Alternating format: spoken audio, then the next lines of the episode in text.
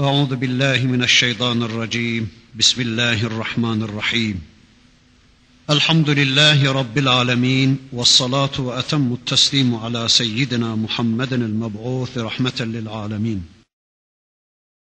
اللهم لا سهل إلا ما جعلته سهلا وأنت تجعل الحزن إذا شئت سهلا. اللهم علمنا ما ينفعنا وانفعنا بما علمتنا وزدنا علما برحمتك يا أرحم الراحمين. أما بعد بسم الله الرحمن الرحيم. وإذ جعلنا البيت مثابة للناس وأمنا واتخذوا من مقام إبراهيم مصلى وعهدنا إلى إبراهيم وإسماعيل أن طهر بيتي للطائفين والعاكفين والركع السجود وإذ قال إبراهيم رب اجعل هذا بلدا آمنا وارزق أهله من الثمرات من آمن منهم بالله واليوم الآخر. قال ومن كفر فأمتعه قليلا ثم اصضره إلى عذاب النار وبئس المصير. وإذ يرفع إبراهيم القواعد من البيت وإسماعيل ربنا تقبل منا إنك أنت السميع العليم.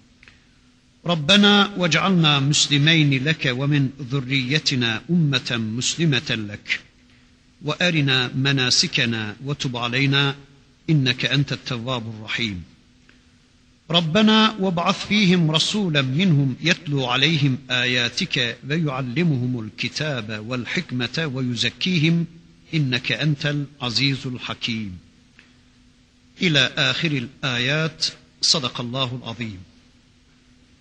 Geçen dersimizde İbrahim Aleyhisselam'ın Rabbimizin bir kısım kelimeleri tarafından imtihana çekildiğini ve daha sonra Rabbimizin bütün bu imtihanları başarıyla geçtikten sonra İbrahim Aleyhisselam'ı ödüllendirmek üzere onu kıyamete kadar bütün insanlığa imam yapacağı konusunda müjdelediğini görmüştük Rabbimiz bu ayetlerde bize anlatmıştı.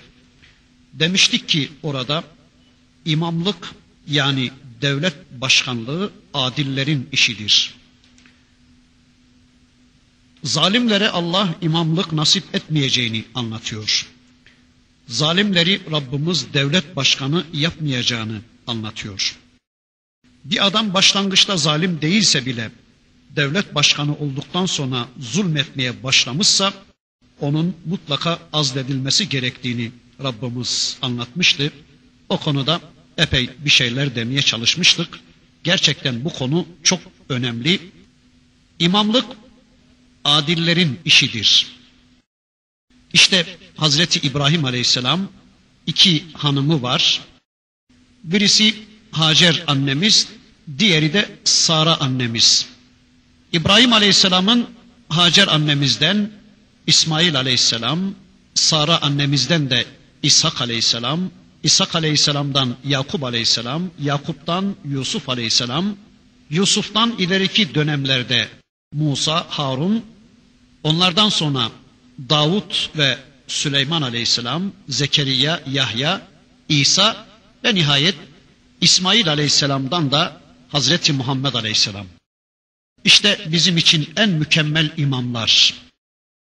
Hayatlarında kesinlikle falso olmayan ve bizim kendilerini örnek alıp hayatlarını yaşadığımız zaman yani kendilerini adım adım takip ettiğimiz, taklit ettiğimiz zaman kesinlikle hata etmeyeceğimiz mükemmel örneklerdir bunlar. Yani hayatları Allah tarafından kesinlikle onaylanmış, tescil edilmiş insanlardır bunlar.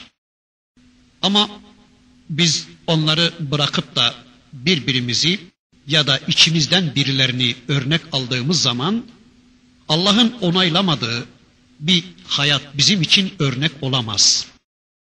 Bundan dolayıdır ki toplumun kendilerini örnek kabul ettikleri, önder kabul ettikleri insanlar, hacılar, hocalar, mürşitler, şeyhler daima kendilerine bir görev olarak şunu çok iyi bilmelidirler.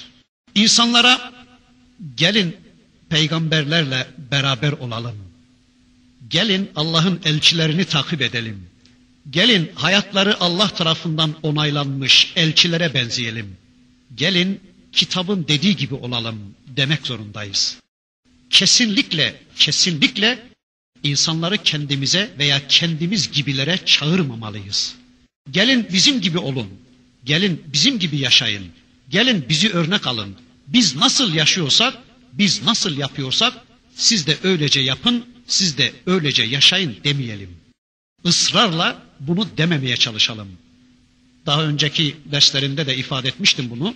Eğer insanlar bizi örnek alır, bizim gibi olmaya, bizim gibi yaşamaya çalışırlarsa o zaman bizde çakılır kalırlar ve bizi bir adım bile aşamazlar. Yani ancak bizim kadar olabilir bu insanlar. Daha öteye geçmezler, daha öteye geçemezler. Bir de o ayeti kerime liderliğin ve imametin Yahudilerden alınıp Müslüman toplumun eline geçtiğini anlatır. Sanki o ayetiyle Rabbimiz Yahudilere diyor ki Ey İsrailoğulları bir zamanlar sizler adildiniz. Kitaba ve peygambere sahip çıktığınız o dönemler size yığınlarla nimet ulaştırmış, sizi uzun bir süre nübüvvet ve imamete layık kılmıştım. Nübüvvet ve imamete nail kılmıştım. Kitap sizdeydi, risalet sizdeydi, bilgi sizdeydi, şan ve şeref sizdeydi. O dönemlerde sizin bütün alemlere üstünlüğünüz söz konusuydu. Ben o dönemlerde sizi bütün alemlere üstün kılmıştım. Ama sonradan kitapla, peygamberle ilginizi kestiniz. Kitabı arkanıza attınız ve zalimlerden oldunuz. Halbuki zalimler benim ahdime ulaşamazlar. Ben zalimleri imam yapmam. Ben zalimlere devlet başkanlığını nasip etmem. Zalimleri kesinlikle ben iktidara getirmem. İşte şimdi bu imamet ve liderlik sizden alındı. Ve bu imamet, bu rehberlik, bu liderlik İsmailoğullarına intikal etti diyordu Rabbimiz. Biraz sonra yine onların bu liderliklerinin sona erdiğini anlatmak üzere gelecek ayetlerde de Rabbimiz kıblenin onlardan alınıp liderliklerinin son bulduğunu bir daha vurgulayacak. Bu gerçekle onları bir daha yüz yüze getirecek. Evet Bakara suresinin bu tanıyacağımız bölümü 125. ayetinden itibaren inşallah Rabbimizin ayetlerini tanımaya devam edeceğiz. Bakın 125. ayeti kerimesinde Rabbimiz şöyle buyuruyor. Ve iz cealnel beyte mesabeten linnasi ve emna. Hani biz beyti yani Kabe'yi insanlar için toplanma yeri ve sevap kazanma yeri ve bir de o emna emniyet mahalli kılmıştık. İbrahim Aleyhisselam gündeme gelince elbette Kabe de gündeme gelecekti. Çünkü Kabe'yi bina eden oydu. Kabe'yi ilk bina eden Adem Aleyhisselam'dı. Ama ikinci olarak o beytin İbrahim Aleyhisselam tarafından bina edildiğini biliyoruz. Evet Allah diyor ki beyt istikrar yeridir. Ve iz cealnel beyte mesabeten linnasi ve emna. Ayeti kerimeden anlıyoruz ki beyt emniyet yeridir. Beyt eman yeridir.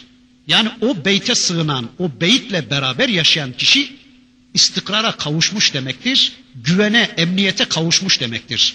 Yani o beyte sığınan kişi emniyette olmuş demektir. Evet, o beyt emniyet, huzur ve istikrar mahallidir. Biz öyle kıldık diyor Rabbimiz.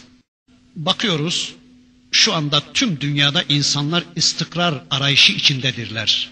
Bütün insanlık huzur arayışı içindedirler. Yeryüzünün hiçbir yerinde, hiçbir bölgesinde huzur ve sükun kalmamış. Öyleyse biz de huzurunu kaybetmiş, sükunet arayan, huzur ve sukuna susamış tüm bu yeryüzü insanlığına diyeceğiz ki gelin ey insanlar Allah'ın istikrar mahalli kıldığı, Allah'ın huzur ve saadet mahalli kıldığı bu beytini temel kabul edelim ve hayatımızı o kıbleye yönelik olarak düzenleyelim. Yani o kıblenin Rabbine göre bir hayat yaşayalım. O kıblenin Rabbinin kitabına ve o kitapta bize haber verilen yasalara göre bir hayat yaşayalım o kıblenin Rabbinin koruması altına girelim. Rab olarak, ilah olarak sadece onu bilelim ve sadece onun programını hayat programı olarak kabul edelim. Eğer bunu yaparsak kesinlikle bilelim ki o bizi istediğimiz istikrara ulaştıracaktır. Eğer biz bunu gerçekleştirirsek, o Kabe'nin Rabbine kulluk edersek, o Kabe'nin Rabbinin hayat programını hayatımızda uygularsak, kesinlikle bilelim ki o bizi istediğimiz huzura kavuşturacaktır. Öyleyse kıblemizi değiştirmek zorundayız. Washington'dan veya Paris'ten veya Pekin'den kıble edindiğimiz sürece bizim istikrara kavuşmamız kesinlikle mümkün değildir. Yani Allah'tan başkalarının kıblelerine tabi olmaktan vazgeçersek, Allah'tan başkalarının rotasına girmeyi terk edersek, Allah'tan başkalarının hayat programlarını reddedersek, hareket tarzımızı Allah'tan başkalarının belirlemesini bırakırsak, Allah'tan başkalarının kanunlarına itaattan vazgeçerek, kıblemiz sadece Kabe olursa, kesinlikle bilelim ki tüm problemlerimiz bitecektir. Tüm hayatımızda huzur ve sükun hakim olacaktır. Çünkü işte bakın Rabbimiz anlatıyor. Orası güvenlik yurdudur. Orası emniyet mahallidir. وَاتَّخِذُوا مِنْ مَقَامِ İbrahim'e musalla İbrahim'in makamında da bir musalla edinin. Yani İbrahim'in makamında da namaz kılacak bir yer edinin. Makamı İbrahim'de musalla edinin. Yani makamı İbrahim'de namaz kılın. Veya makamı İbrahim'de dua edin. Yani duanız İbrahim'in duası gibi olsun. Yani namazınız İbrahim'in namazı gibi olsun. İbrahim gibi namaz kılın. İbrahim gibi hayatınıza hakim olacak bir namaz kılın. Yani öyle bir namaz kılın ki kıldığınız namaz hayatınıza hakim olan bir namaz olsun. Yani namaza endeksli olan bir hayat yaşayın. Tıpkı İbrahim Aleyhisselam gibi. Yani her şeyinizle İbrahim gibi olun. İbrahim makamında olmak. İbrahim'in makamında olmak, İbrahim'in konumunda olmak demektir. Yani İbrahim makamında olmak, İbrahim gibi olmak. İbrahim konumunda olmak, İbrahim'in misyonunu üstlenmek demektir. Yani İbrahim Aleyhisselam gibi yaşamak demektir. İbrahim'in makamında olmak, İbrahim Aleyhisselam'ın rolünü üstlenmek demektir. İbrahim makamında olmak, İbrahim'in yaptıklarını yapmak demektir. İbrahim'in misyonunu, İbrahim'in rolünü üstlenmek demektir. İşte İbrahim Aleyhisselam'ın ilk başlangıç mücadelesinden itibaren yani babasıyla geçen dersimizde kısaca arz etmeye çalışmıştım. Babasıyla, kavmiyle, kralıyla, işte puta tapan toplumuyla İbrahim Aleyhisselam nasıl bir mücadele yapmışsa vatanından sürülmesi pahasına da olsa ülkesini terk etme pahasına da olsa Allah'a kulluktan nasıl vazgeçmemişse bu imtihanlardan sonra imamet hakkına yani önderlik ve idarecilik hakkına nasıl ulaşmışsa siz de tıpkı onun gibi onun makamında olun ve onun ulaştığı makama ulaşın. Onun gibi Rabbinize ibadet edin. Onun gibi tavır koyun. Babanıza tavrınız onun babasına tavrı gibi olsun. Toplumunuza karşı tavrınız onun toplumuna tavrı gibi olsun. Zalim idarecilere, onların putlarına, put sistemlerine karşı tavrınız İbrahim'in tavrı gibi olsun. Ateşe atılma, zindana tıkılma, sürgüne maruz kalma ile karşı karşıya kaldığınızda tavrınız yine İbrahim Aleyhisselam'ın tavrı gibi olsun. Yani adım adım onun hayatını örnek alın emrini veriyordu Rabbimiz bu ayeti kerimesinde. وَاتَّخِذُوا مِنْ مَقَامِ إِبْرَاهِيمَ مُصَلَّى وَأَحِدْنَا إلى إبراهيم وإسماعيل أن طهر بيتي للطائفين والعاكفين والركع السجود İbrahim'le İsmail'e beytimi tavaf edenler, beytime misafir olanlar, oraya gelenler ve orada ibadet kastıyla itikaf yapanlar, itikafa girenler için ve de ruku ve secde edenler için Kabe'mi tertemiz tutun diye emir vermiştik diyor Rabbimiz. Yani namaz kılanlar için temizleyin, temiz tutun diye emir vermiştik. Ahit almıştık onlardan diyor. Rabbimiz anlayabildiğimiz kadarıyla İbrahim Aleyhisselam'dan ve oğlu İsmail Aleyhisselam'dan ahit alıyordu. Her ikisinden de ahit alıyordu. Çünkü Kabe'yi onlar bina etmişlerdi. Elbette bu beytte ilk görevliler de onlar olacaktı. Yani beytin ilk hizmetçileri de onlar olacaktı. Çünkü bu beyt Allah'ın eviydi. Bu beyte gelenler de Allah'ın misafirleriydi. Allah kullarına, Allah misafirlerine de elbette hizmeti Allah peygamberleri yapacaklardı. Çünkü peygamberler insanlardan ücret almak için veya insanların sırtına binmek için değil, insanlık için var olan insanlardı onlar. Çevresindeki insanlara en fazla fedakarlık yapan bir ihtiyar kadının bile, bir küçük çocuğun bile hizmetinde olan insanlardı onlar.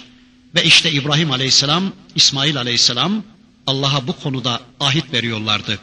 Beyti Allah'ın kulları için hazırlayacaklar. Beyti Allah'ın kulları için temizleyecekler. Orayı tertemiz hale getireceklerdi. Evet, Allah'ın beyti temiz olacaktı. Beytin temizlenmesi, beytin temiz tutulması demek sadece maddi pisliklerden temizlenmesi demek değildi. Bununla beraber yani maddi pisliklerden temizlemekle beraber putlar gibi, putların egemenliği gibi, şirk gibi her tür pisliklerden temizlenmesi gerekiyordu. Yani orada şirk olmayacaktı. Orada putlara yer olmayacaktı. Orada krallara yer olmayacaktı. Orada tağutların hakimiyeti olmayacaktı. Orada Allah'tan başkalarının sözü geçmeyecekti. Orada sadece Allah yüceltilecekti. Sadece Allah'ın emirleri konuşulacaktı. Allah'tan başkalarının talimatlarına yer verilmeyecekti. Allah'tan başkalarının sistemleri uygulanmayacaktı. Hayat programları, Allah'tan başkalarının hayat programları uygulanmayacaktı. Yani Allah'tan başkalarına hamd edilmeyecekti. Allah'tan başkaları tekbir edilmeyecekti. Allah'tan başkaları büyüklenmeyecekti. Orada sadece Allahu Ekber denecekti. Allah büyüklenecekti. Evet, Allah'ın evi tüm bu pisliklerden temizlenecekti. Ya da yıllardır biz İbrahim'in yolundayız. Biz İbrahim'in torunlarıyız diyerek Kabe'ye sahiplik iddiasında bulunan ve o güne kadar Allah'ın beytinde olmadık pislikler gerçekleştiren müşrikler oradan çıkarılacak, böylece Kabe temizlenecekti. O gün bu konuda onlar Allah'a söz veriyorlardı ama onlardan sonra bu emaneti kıyamete kadar üzerine alan Müslümanlar yani bizler bu vazifeyi gerçekleştirmek üzere Allah'a söz veriyoruz. Öyleyse Allah evlerini şirklerden, mescitleri Allah dışındaki egemen güçlerden ne kadar temizlediğinizi, Allah'a verdiğiniz bu sözü ne kadar gerçekleştirdiğinizi bir düşünün. Yani bu ayetiyle İbrahim'den, İsmail Aleyhisselamlardan ahit alan Allah, bilelim ki Kur'an'da bu ayeti bize göndermekle şu anda Allah bizden de ahit alıyor. Hani bu konuda ahitler konusunda hani İsrailoğullarından ahit alırken Rabbimiz aynı zamanda bu kitabın ayetlerinden birisi olması hasebiyle bizden de bu devirde ahit aldığını demeye çalışmıştım ısrarla. Yani şu anda da biliyoruz ki İbrahim Aleyhisselam'dan, İsmail Aleyhisselam'dan, Kabe'nin, yeryüzündeki mescitlerin bütün bu pisliklerden temizlenmesi konusunda ahit alırken aynı zamanda bizden de ahit aldığını unutmayalım diye ısrarla bunu demeye çalışmıştım. Evet Rabbimiz İbrahim Aleyhisselam'dan, İsmail Aleyhisselam'dan ahit alıyordu. Rükû ve secdeli namazın sadece Muhammed Aleyhisselam'ın ümmetine mensup bir namaz olduğunu düşünürsek, o zaman Cenab-ı Hak aslında bu ahitle Hazreti İbrahim ve Hazreti İsmail'den böyle bir ümmetin yani ümmeti Muhammed'in geleceği konusunda ahit almıştı da diyebiliriz. Yani gelecek şerefli ümmet için, Muhammed ümmeti için bu evimi temizleyin, temiz tutun diye Allah İbrahim Aleyhisselam'dan ve İsmail Aleyhisselam'dan söz alıyordu, ahit alıyordu. Müşrikler işte Kabe bizimdir. Kabe'nin sahipleri bizleriz diyorlardı. Ama hani İbrahim'den ve İsmail'den alınan bu sözün pratiği ortada kalmamıştı. Yani Allah onlara orayı Allah'ın kulları için, Allah'a kulluk yapacak olanlar için temizleyin buyurduğu halde bu müşrikler Allah'ın bu sözünü unutmuşlar ve orasını putlarla doldurmuşlar. Putların egemenliğinde bir Kabe haline getirmişlerdi. Peki bu mu Kabe'ye sahip olmak? Bakın burada Rabbimiz sözü müşriklere getiriyor. Onlar diyorlardı ki biz İbrahim Aleyhisselam'ın ümmetiyiz. Diyorlardı ki biz İbrahim Aleyhisselam'ın yolundayız. Allah diyor ki bakın peki bu mu Kabe'ye sahip olmak? Bu mu Kabe'ye ehil olmak? Biz İbrahim'in yolundayız diyorsunuz. E bu mu İbrahim'in yolunda olmak? Böyle mi yapmıştı İbrahim Aleyhisselam? Yani bir ömür boyu putlarla savaşan bir İbrahim'in yolunda olmak elbette böyle olmamalıydı. Hem putları yücelteceksiniz, hem Kabe'de putlara egemenlik tanıyıp Allah'ı unutacaksınız, Allah'ı diskalifiye edeceksiniz, hem de İbrahim'in yolunda olduğunuzu iddia edeceksiniz. Olacak şey midir bu diyordu Rabbimiz. Veya hem Allah'ı farklı tanıyacaksınız, Allah'ın kulu ve Resulü olan bir insanı yani Hazreti İsa'yı Allah yerine koyacaksınız, hem de biz İsa'nın yolundayız diyeceksiniz. Olacak şey mi bu? Hem Muhammed Aleyhisselam'ın yolundan ayrılacaksınız, onun sünnetini, yolunu reddedeceksiniz, hayatınızda ona ve sünnetine yer vermeyeceksiniz, hem de onun ümmeti olduğunuzu iddia edeceksiniz. Olacak şey midir bu diyordu Rabbimiz. Evet, Kabe budur ve oraya yönelerek kılınacak namaz da budur. Öyleyse bir namaz ki hayata hakim ve öyle bir hayat ki namaza özdeş. Hayatla namaz özdeşleşmiş olacak. Hayat namazdan ayrı değil, namaz da hayattan kopuk değil. Böyle hayatla iç içe olacak bir namaz kılın diyor Rabbimiz.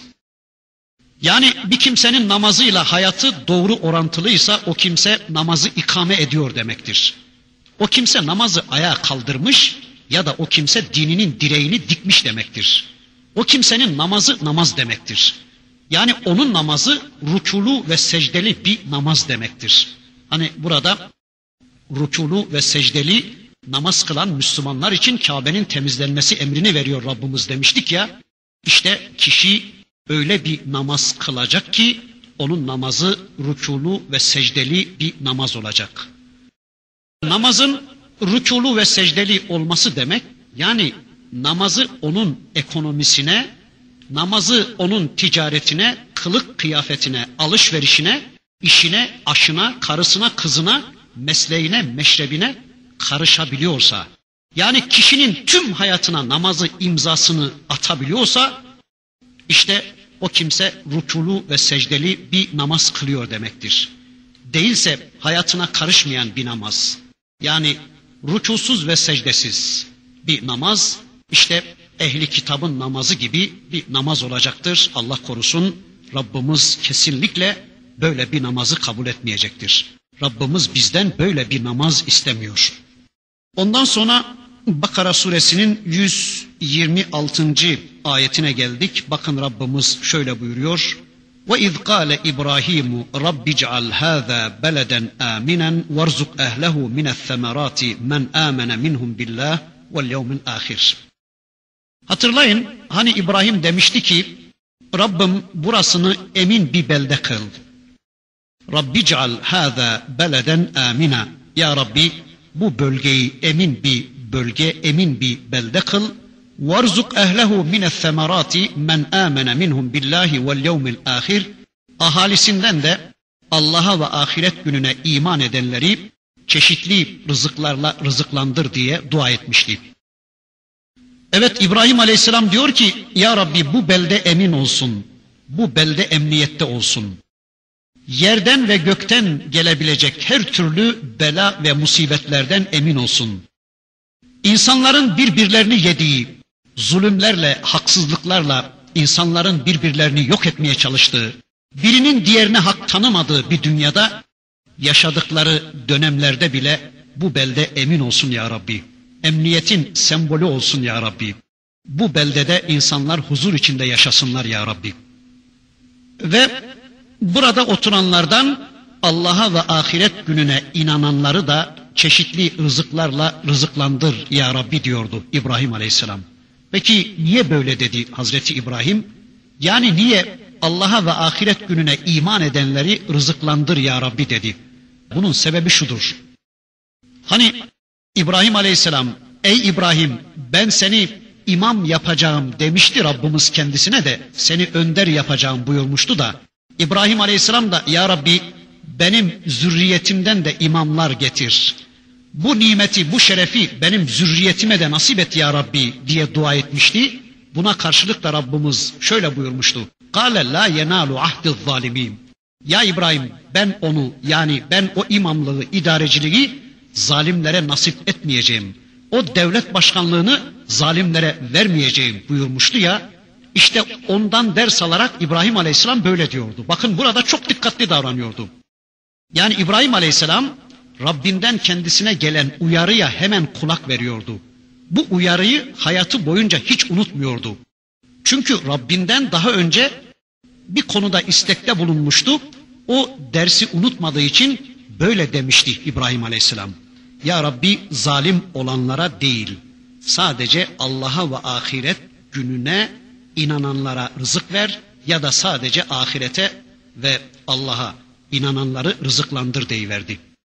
Peki biz ne anlayacağız bundan? Biz de tıpkı atamız İbrahim Aleyhisselam gibi Kur'an'ın ayetleriyle, Kur'an'ın uyarılarıyla karşı karşıya kaldık mı hemen onu algılayalım. Bilelim ve ikinci defa aynı konuda hataya düşmemeye çalışalım inşallah. Bakın dedi ki İbrahim Aleyhisselam, Ya Rabbi benim zürriyetimden olanlara da yani oğlum kızım da onlara da imamlığı nasip et. Onlar da imamlar olsunlar demişti. Allah da buyurdu ki ben idareciliği zalimlere vermem. Yani imamet konusunda, idarecilik konusunda böyle olursa herhalde rızık konusunda da bu böyledir. Yani herhalde rızık konusunda da bunlar ayrılacak. Yani Allah rızkı da kafirlere ve zalimlere nasip etmeyecek zannetti ve dedi ki ya Rabbi madem ki sen zalimlere idarecilik vermiyorsun, zalimlere idareciliği, devlet başkanlığını layık görmedin, öyleyse bu zalimlere, bu kafirlere de rızık da vermeyeceksin. O halde onlara rızık da verme deyiverdi. Yani sadece onlardan Allah'a ve ahiret gününe inananları rızıklarla rızıklandır deyiverdi. Yani o zannetti ki rızık konusunda da onların hakkı olmayacaktı. Madem ki imamlık konusunda Allah onları men etmişti, rızık konusunda da Allah onları mahrum edecek zannetti. İmametten men edilen bu zalimler rızıktan da men edilecek zannetti.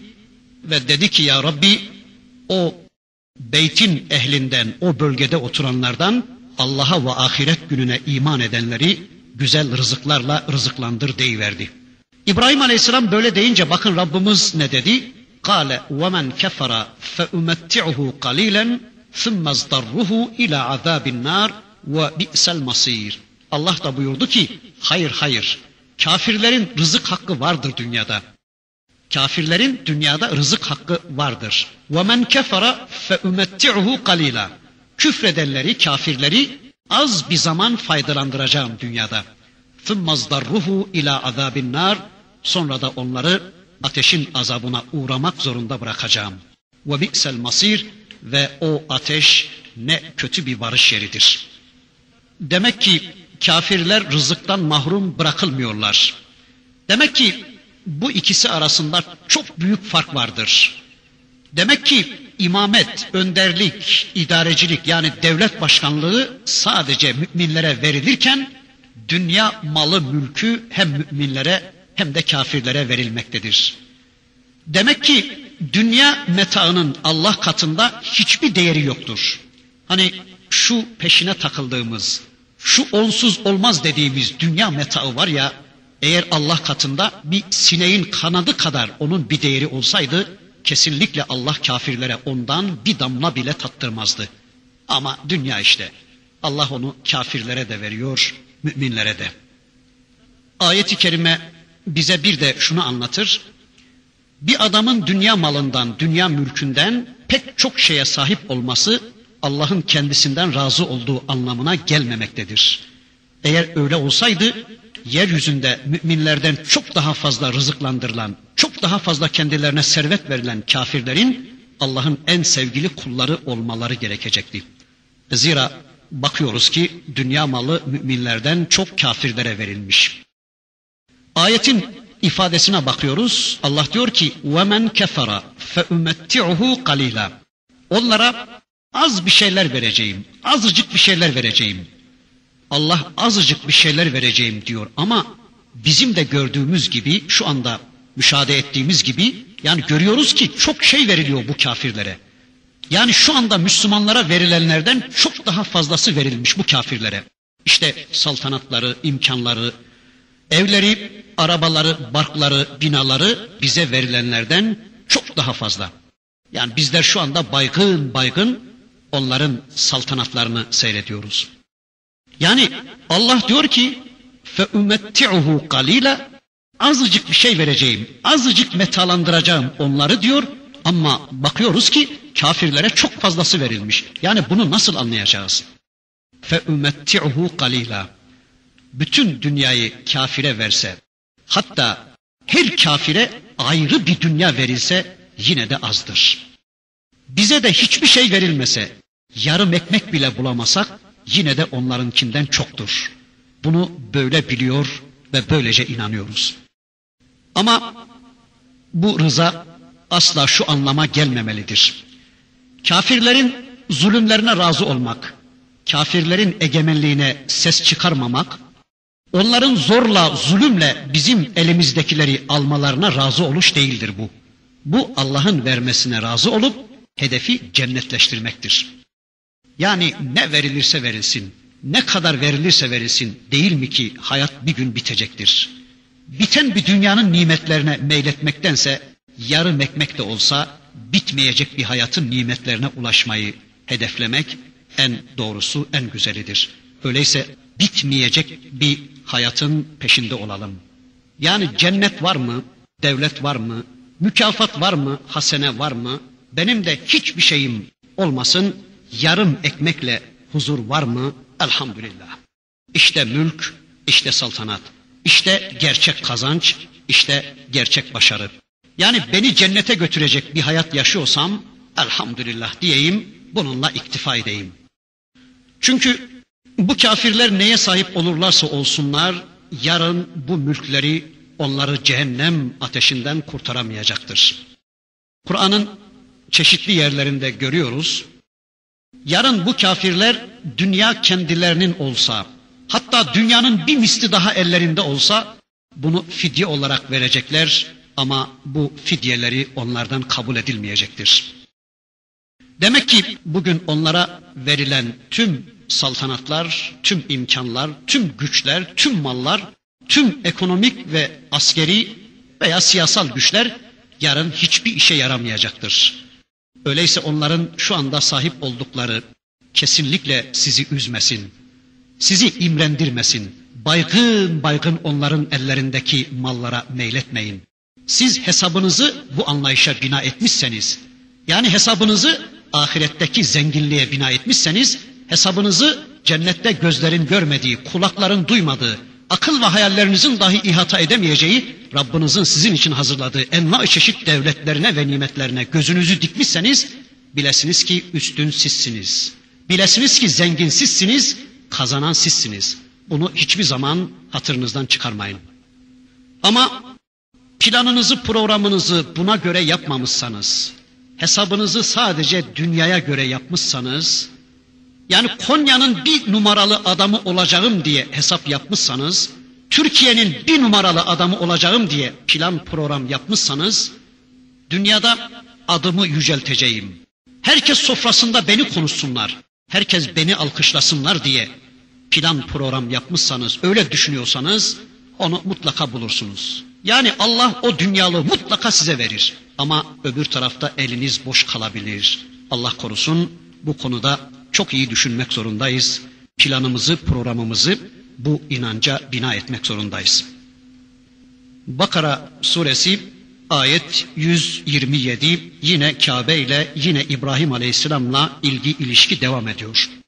Allah diyor ki bakın وإذ يرفع إبراهيم القواعد من البيت وإسماعيل ربنا تقبل منا إنك أنت السميع العليم Hani İbrahim Aleyhisselam ve İsmail Aleyhisselam beytin yani Kabe'nin temellerini yükseltirken şöyle dua etmişlerdi.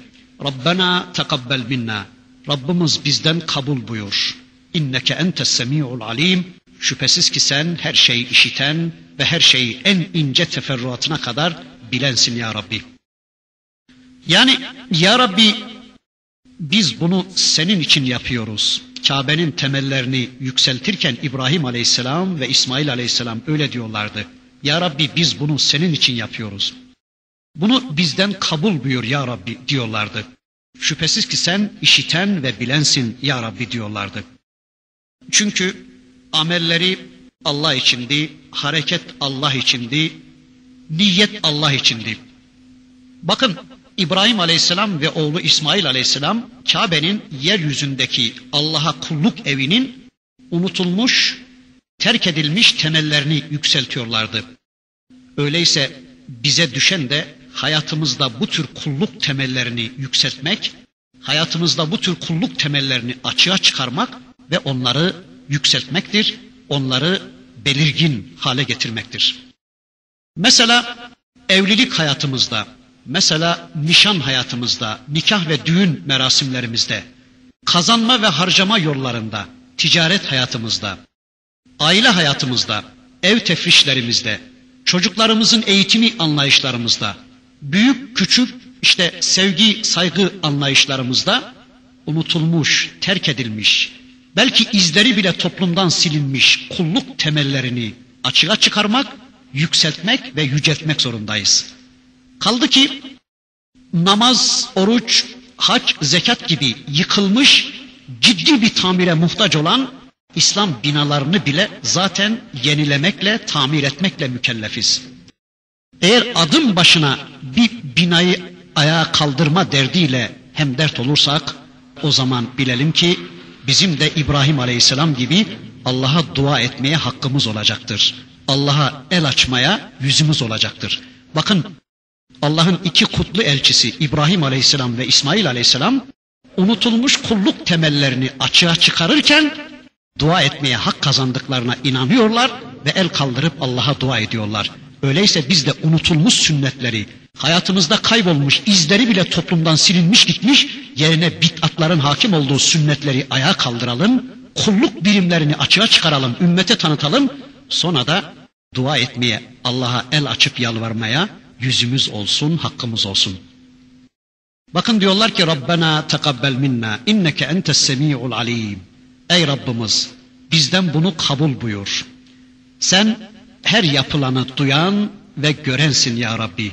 Yani bizim de böyle demeye hakkımız olacaktır. Öyle değil mi? Hazreti İbrahim bir şeyleri kaldırdı, bir şeyleri yükseltti. Sonra da haklı olarak Allah'a el kaldırıp dua etme şerefine erdi. Peki ey Müslüman sen ne yaptın ki Rabbim bunu kabul buyur diyebileceksin? Yani hangi temeller yükselttin? Eğer yıkmadıysan tabi. Yani hangi unutulmuş kulluk temellerini yükselttin ki onun gibi el kaldırıp dua etme hakkını elde edeceksin. Evet, o makamın sahibi olan Hazreti İbrahim'e Kur'an Hanif diyor. Allah'a tam teslim, aklı işin içine karıştırmadan Allah'a teslim olan bir peygamber. Ya da tüm şirkleri reddetmiş, tüm tağutlara savaş açmış bir peygamber. Yani biz de öyleysek eğer o zaman biz de Allah'a dua etme hakkına sahibiz demektir. Biz de İbrahim Aleyhisselam'ın yaptıklarını yapabiliyorsak, hayatımızda İbrahim Aleyhisselam'ın tavrını sergileyebiliyorsak, bir taraftan unutulmuş kulluk temellerini açığa çıkararak, bir taraftan da işte önceki ayetlerde demeye çalışmıştım, İbrahim Aleyhisselam'ın şirke karşı, küfre karşı baş kaldırışını kendimize şiar edinir, çevremize karşı tavrımızı İbrahim Aleyhisselam'ın tavrı biçiminde eğer yapmaya çalışırsak o zaman bizim de el kaldırıp Allah'a dua etme hakkımız olacaktır. Devam ediyor İbrahim Aleyhisselam'la İsmail Aleyhisselamların duaları Rabbena ve cealna müslimeyni leke ve min zürriyetina ummeten müslimeten lek. Ya Rabbi bizi yalnız sana itaat eden kullarından kıl. Ya Rabbi yalnız sana ibadet eden, yalnız seni dinleyen kullarından kıl. Ve min zurriyetina ummeten muslimeten lek ve neslimizden de yalnız sana itaat eden Müslüman bir ümmet getir. Bizim zürriyetimizden de her şeyiyle sana teslim olmuş ve senin istediğin hayat tarzından başka hayat tarzlarına razı olmayacak sana imandan başka imanları olmayan, sana kulluktan başka başkalarına kulluk yapmayan bir ümmet çıkar ya Rabbi. Bir nesil getir ya Rabbi diyorlar. Gerçekten de aradan uzun zamanlar geçiyor.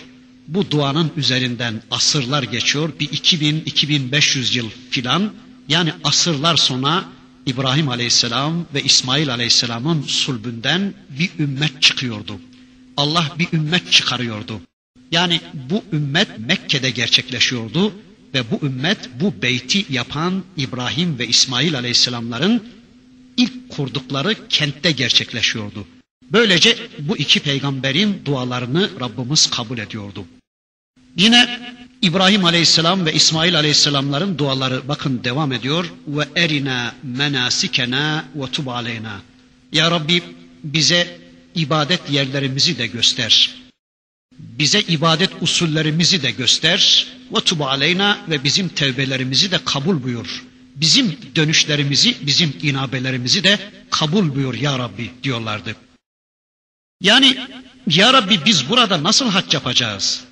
Sana nasıl kulluk yapacağız? Sana nasıl ibadet edeceğiz? Sana senin razı olacağın kulluğu nasıl icra edeceğiz? Bize bunu da göster ya Rabbi. Ve bizim tevbelerimizi kabul buyur. Diyorlar ki bütün varlıklardan soyutlanarak sana yöneliyoruz. Kendimizden, çevremizden, toplumdan, insanlardan, herkesten ve her şeyden arınarak, her şeyden sıyrılarak sana döndük. Seni memnun etmek istiyoruz. Senden başka da güvenebileceğimiz birileri de yoktur ya Rabbi. Bizi kabul buyur, bizi kulluğuna kabul buyur. Tevbelerimizi kabul eyle, yönelişlerimizi kabul eyle ya Rabbi. İnneke entet tevvabur rahim. Sen tevvapsın. Sen tevbeleri kabul edensin. Sen dönüşleri kabul edensin. Sen hatalardan vazgeçip sana yönelen kulların günahları ne olursa olsun hiç bakmadan affedensin ya Rabbi diye Rabbimizin bu merhamet sıfatlarını da tahrik edip kendilerinin affını istiyorlar. Devam ediyor duaları. Rabbena ve ba'ath fihim rasulen minhum yetlu aleyhim ayatike ve yuallimuhumul kitabe vel hikmete ve yuzekkihim inneke entel azizul hakim. Ey Rabbimiz onlara işlerinden bir peygamber gönder. Ve ba'ath fihim rasulen minhum yetlu aleyhim ayatike ve yuallimuhumul kitabe vel hikmete ve yuzekkihim. Öyle bir peygamber gönder ki onlara işlerinden ya Rabbi senin ayetlerini okusun. Onlara kitabı ve hikmeti öğretsin ve yuallimuhumul kitabe vel hikmete onlara o peygamber kitabı ve hikmeti öğretsin ve onları iyice temizlesin ve yüzekkihim onları tezkiye etsin, iyice temizlesin. İnneke entel azizul hakim. Sen aziz ve hakimsin ya Rabbi. Bakın diyorlar ki Allah'ın elçileri onlara bir elçi gönder ki o Müslüman ümmeti o toparlasın ya Rabbi. Ve o göndereceğin Resul onlara önder olacak, örnek olacak. Ve bu peygamber senin ayetlerini okuyacak, onlara hikmeti öğretecek, onlara kitabı öğretecek ve onları tertemiz hale getirecek bir elçi olsun ya Rabbi. Peygamberin görevleri sayılıyor bu ayeti kerimede.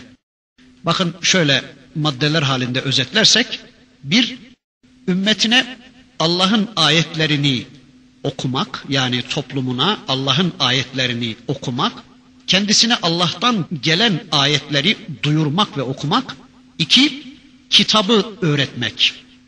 Üç, hikmeti öğretmek. Demek ki peygamberin böyle üç görevi varmış. Birincisi Allah'ın ayetlerini okumak. Allah'tan kendisine vahyolunan ayetleri toplumuna okumak. Sonra kitabı öğretmek, bir de hikmeti öğretmek. Sonra da onları temizlemek. Hikmet ameli salihtir. Hikmet kavilde ve fiilde isabettir. Veya hikmet kişinin sözüyle amelinin birleştirilmesi demektir. Yalnız sözde isabet hikmet olmadığı gibi sadece fiilde isabet de hikmet değildir. Veya kimileri demişler ki hikmet fıkıh demektir. Yani dindeki emir ve nehilerin maksadını kavramak demektir. Kişinin lehine ve aleyhine olan şeyleri bilmesi demektir diye de böyle bir tarif yapılmış. Hani peygamberimizin bir hadisi vardı ya. Allah kimin için bir hayır murad ederse onu dinde fakih kılar diyordu ya peygamberimiz. İşte hikmet fıkıh demektir. Yani kişinin dininin emir ve yasaklarının hikmetini ve maksadını anlaması demektir. Bir başka anlayışa göre hikmet sünnet demektir. Hikmet sünnet demektir. Yani kitabın pratiği olan sünnet demektir. İşte bu peygamber onlara Kur'an'ın pratikte uygulanılışını da göstersin diyordu. Allah'ın elçisi Hazreti İbrahim Aleyhisselam ve İsmail Aleyhisselam.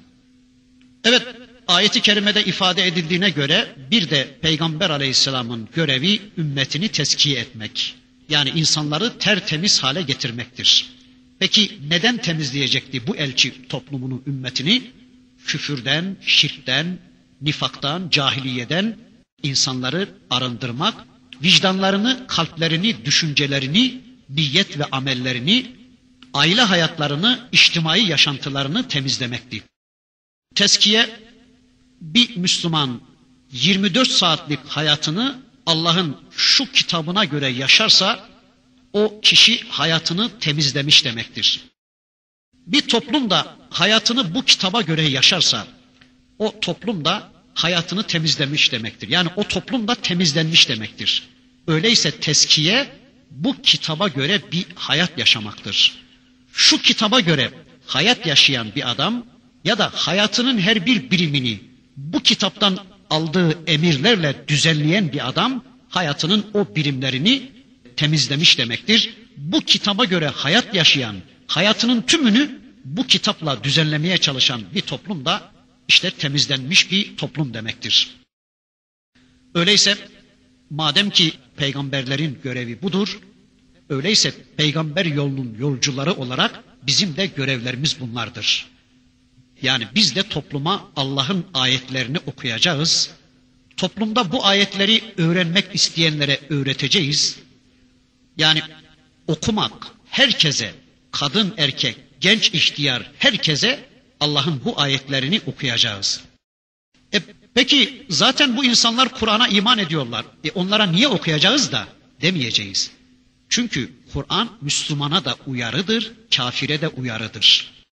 Şunu unutmayalım, bilelim ki Kur'an Müslümana da hatırlatmadır, kafire de hatırlatmadır. Veya Müslümana hatırlatmadır da kafire uyarıdır bu Kur'an. Yani bunu mutlaka biz de gerçekleştireceğiz. Bu okuduğumuz insanlar arasından öğrenmek isteyenlere öğreteceğiz Kur'an'ı. Yani pratikte yaşamak isteyenlere de işte kitabın pratiği budur diye onun pratiğini göstereceğiz ve böylece o insanların temizlenmesini sağlayacağız. Ve işte Peygamber aleyhisselam insanları her türlü batıl düşüncelerden, efsanelerden temizleyerek onları apaçık imana ve hidayete ulaştırıyor. İşte İbrahim aleyhisselamın duası böylece yerini bulmuş oluyordu. Samimi olarak dua etmişti İbrahim aleyhisselamla İsmail aleyhisselam. Dua etmeye de hak kazanmış bir elle, bir ağızla, bir yüzle Rablerine dua etmişler. Ve Cenab-ı Hak da onların duasını kabul etmiş. İşte onların saydıkları özellikte son elçi Hazreti Muhammed Aleyhisselam gelmiş ve o elçi gerçekten toplumuna Allah'ın kitabını okumuş. Allah'tan gelen Allah'ın ayetlerinden bir kelime, bir harf bile gizlemeden toplumuna Allah'ın ayetlerini okumuş. Sonra kitabı öğretmiş, sonra toplumuna hikmeti öğretmiş, sonra da toplumunu tertemiz hale getirmiştir. Gerçekten çok güzel bir duaydı bu ve bu dua kabul ediliyordu. Yıllar sonra dünyanın en kutsal bir şehrinde bir ümmet ve bu ümmet içinde bir peygamber ve o peygamber onlara Rabbinden gelen ayetleri okuyor, kitabı öğretiyor ve bu kitabın pratikteki uygulamasını yani sünneti sunuyordu, hikmeti sunuyordu bu peygamber. Dünyanın en vahşi bir toplumunu dünyanın en medeni toplumu haline getiriyordu. Gerçekten de o sırtlanları sırtlanlıkta bin misli geride bırakacak kadar ileri gitmiş insanları her türlü pisliklerden temizliyor, zalim olanları adil hale getiriyordu. Belki dünyanın en cahilleri olan bir toplumu dünyanın en alimleri haline getiriyor, dünyanın hocası haline getiriyor ve onları kıyamete kadar tüm dünyaya örnek bir nesil olarak insanlığa takdim ediyor, onları tertemiz hale getiriyordu. İnneke entel azizul hakim, şüphesiz ki aziz ve hikmet sahibi ancak sensin ya Rabbi. Ya Rabbi sen azizsin. İzzet ve şeref sana aittir ya Rabbi. Sen güçlüsün. Senden başka güçlü, senden başka izzet ve şeref sahibi yoktur ya Rabbi. Yani senden başka güveneceğimiz, senden başka dayanacağımız, senden başka sığınacağımız yoktur ya Rabbi. Sen hakimsin, sen hikmet sahibisin, sen hakimiyet sahibisin, sen hayata hakim olansın, sen gökler yüzü ve yeryüzünde egemen olansın. Senden başkalarına hakimiyet hakkı tanımayız. Sen hayatımıza yegane hakim olansın, hayatımıza hükmedensin, hayat programımızı tespit edensin ya Rabbi diye dua ediyorlar. İbrahim ve İsmail Aleyhisselam'ın Kabe-i Muazzama'yı bina ederken, onun temellerini kaldırıp yeniden inşa ederken Rablerine yaptıkları dua burada sona eriyor.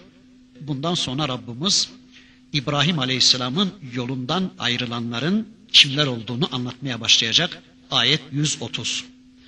وَمَنْ يَرْغَبُ عَنْ مِلَّةِ İbrahim illa men sefihe nefseh.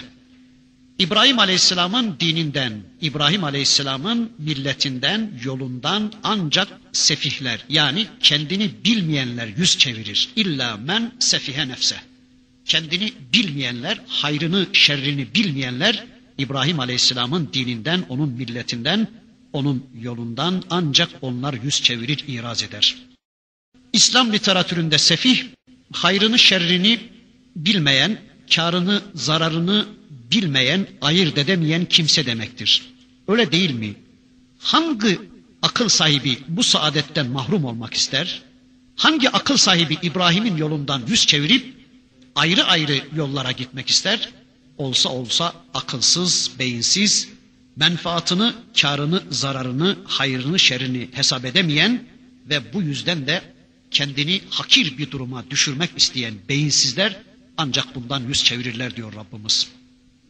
Bakın İbrahim Aleyhisselam kendi zürriyetlerinin içinden bir toplum çıkarılması, bir ümmet çıkarılması ve onların içinden bir peygamber çıkıp onlara kitabı öğretmesi, hikmeti öğretmesi ve onları tertemiz hale getirmesi konusunda dua etmişti. Allah da bu duayı kabul etmişti. Mekke'de onun soyundan bir toplum çıkmış, onların içinden bir nebi çıkmış ve bütün insanlığı hakka davet ediyordu. Her peygamberin daveti aynıydı aslında. İşte bu peygamberin daveti de Adem Aleyhisselam'ı, İbrahim Aleyhisselam, Musa Aleyhisselam ve bütün peygamberleri içine alan yani onların davetinin uzantısı olan bir davetti. Yani bu elçi İbrahim neslinden, İbrahim milletindendi. Bu peygamberin daveti de İbrahim davetinin aynısıydı. Zira Hazreti İbrahim'in insanlığa sunduğu din İslam'dı. Onun oğulları olan İsmail'in ve İshak'ın dinleri de İslam'dı. Yani tüm peygamberlerin ortak diniydi. Bu son peygamber Hazreti Muhammed Aleyhisselam'ın getirdiği din. Ama Yahudi ve Hristiyanların ve müşriklerin bu dini reddettiklerini anlatacak Rabbimiz. İnşallah vaktimiz doldu. Gelecek dersimizde bu ayetle alakalı kısa bir şeyler daha söyledikten sonra Rabbimizin öteki ayetlerini hep beraber tanımaya devam etmek üzere. Velhamdülillahi Rabbil Alemin.